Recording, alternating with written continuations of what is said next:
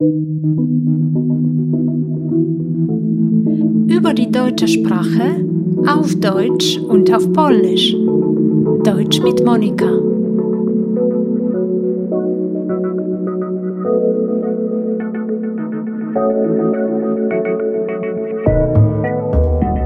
Hallo, mein Name ist Monika. Singulariatantum kommen auch in der polnischen Sprache sehr oft vor, aber du weißt vielleicht nicht, wie sie fachlich benannt werden. Das sind zum Beispiel Salz und Pfeffer, Aluminium und Baumwolle, Jugend und Intelligenz, Warschau und Luft. Was verbindet die Wörter? Sie werden kaum anders als nur im Singular benutzt. Wie sieht das Thema in der deutschen Sprache aus? Sehr ähnlich. Heute wirst du ein paar Beispiele hören, die in fünf Gruppen geordnet werden. Stoffnamen, Sammelnamen kollektiver, abstrakter, Eigennamen, Körperteile und Kleidungsstücke. Es geht los!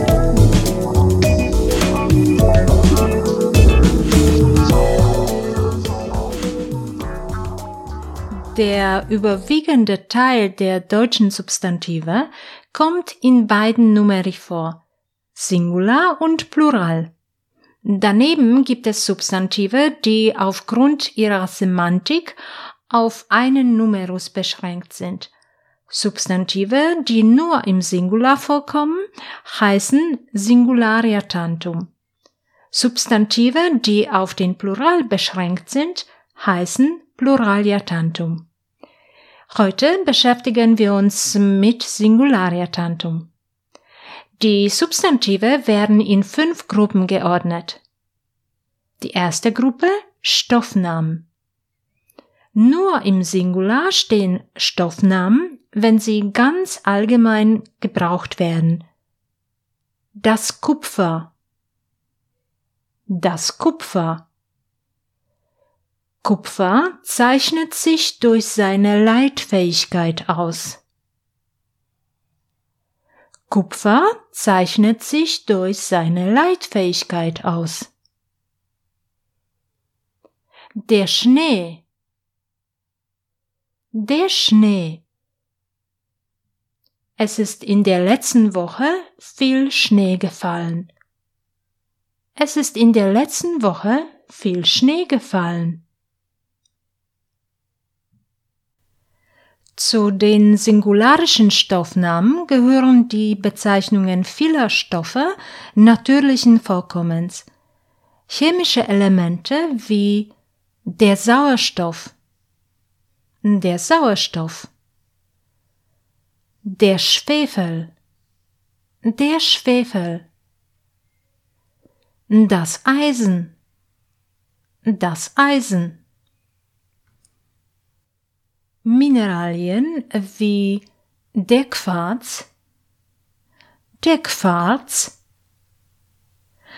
Feldspat, der Feldspat, Witterungsprodukte, der Schnee, der Schnee, der Tau, der Tau, pflanzliche und tierische Produkte, der oder das Gummi,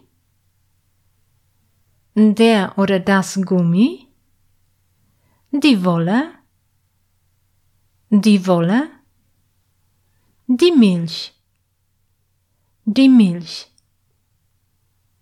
wie auch die Bezeichnungen für viele von Menschen hergestellte Stoffe, vor allem Lebens- und Genussmittel und Erzeugnisse für die Körperpflege die Butter, die Butter, die Schokolade, die Schokolade,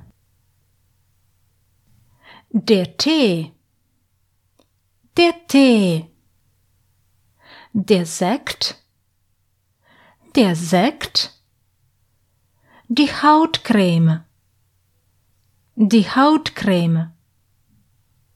Die zweite Gruppe Sammelnamen, Kollektiva. Nur im Singular stehen Sammelnamen, wenn sie Bezeichnungen einer einheitlichen, umfassender Klasse sind, die als ungegliedert aufgefasst wird. Die Bevölkerung. Die Bevölkerung. Die Bevölkerung wurde zu einer Spendenaktion aufgerufen. Die Bevölkerung wurde zu einer Spendenaktion aufgerufen. Das Gepäck. Das Gepäck. Am Abend brachten wir das Gepäck zum Bahnhof. Am Abend brachten wir das Gepäck zum Bahnhof.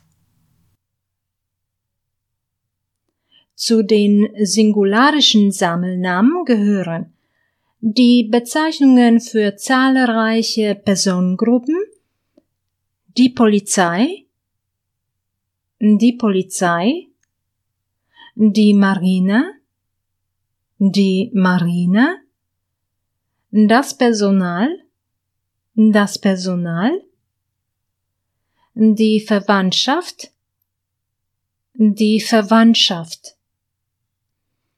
Tier- und Pflanzenklassen, das Wild, das Wild, das Geflügel, das Geflügel, das Getreide, das Getreide, das Obst, das Obst, das Wurzelwerk, das Wurzelwerk, die dritte Gruppe, abstrakter.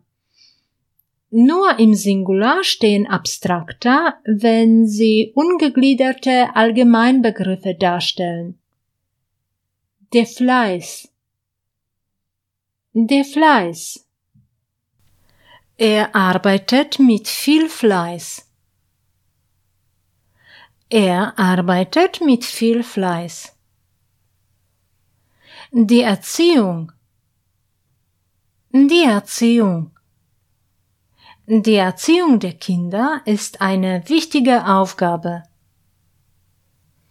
Die Erziehung der Kinder ist eine wichtige Aufgabe. Ebenso der Aufbau, der Aufbau, die Planung, die Planung, der Verkehr, der Verkehr. Das Bewusstsein, das Bewusstsein, das Vertrauen, das Vertrauen, die Ruhe, die Ruhe, die Liebe, die Liebe, das Glück, das Glück, die Angst, die Angst. Der Ursprung, der Ursprung, das Unrecht, das Unrecht. Mit dem letzten Wort, das Unrecht, schlage ich ein paar Redemittel vor. Jemandem ein Unrecht antun. Jemandem ein Unrecht antun. Ein Unrecht wiedergutmachen. Ein Unrecht wiedergutmachen. Wer einem anderen ein Unrecht angetan hat, sollte es auch wieder gut machen. Wer einem anderen ein Unrecht angetan hat, sollte es auch wieder gut machen. Unrecht gut gedeiht nicht. Unrecht gut gedeiht nicht. Die nächsten Singularia Tantum sind Eigennamen. Nur im Singular stehen Eigennamen, wenn sie ein bestimmtes einzelnes Individuum bezeichnen. Zu solchen Eigennamen gehören die Personennamen, Vor- und Familiennamen, die Individualnamen, Rufnamen der Haustiere, die Namen verschiedener Produkte der menschlichen Kultur und Technik, Büchertitel, Schiffsnamen und andere. Und lokale Bezeichnungen wie Fluss, Länder und Ortsnamen, Namen von Betrieben, Gaststätten, Kinos und ähnliche. Und jetzt Beispiele. Der Schriftsteller Günter Grass. Der Hund Ajax. Mozarts Oper Don Giovanni. Das Kino Kolosseum. Die fünfte Gruppe Körperteile und Kleidungsstücke. In bestimmten Verbindungen werden die Bezeichnungen von Körperteilen und Kleidungsstücken im Singular verwendet. Dieser Gebrauch ist fakultativ. Sie gaben sich die Hand. Sie gaben sich die Hand. Sie trugen Hut und Mantel.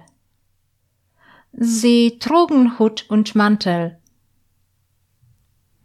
Das ist alles zu diesem Thema. Äh, wir wiederholen. Singularia tantum sind Substantive, die nur im Singular vorkommen. In der deutschen Sprache sind das Stoffnamen, Sammelnamen kollektiver, abstrakter, Eigennamen, Körperteile und Kleidungsstücke. Danke für das Zuhören. Wenn diese Folge dir gefallen hat, schreib das bitte in deinen Kommentar und du kannst natürlich meinen Blog abonnieren. www. Achtung, niemieckismoniko.pl um keine neue Folge zu verpassen. Bis bald!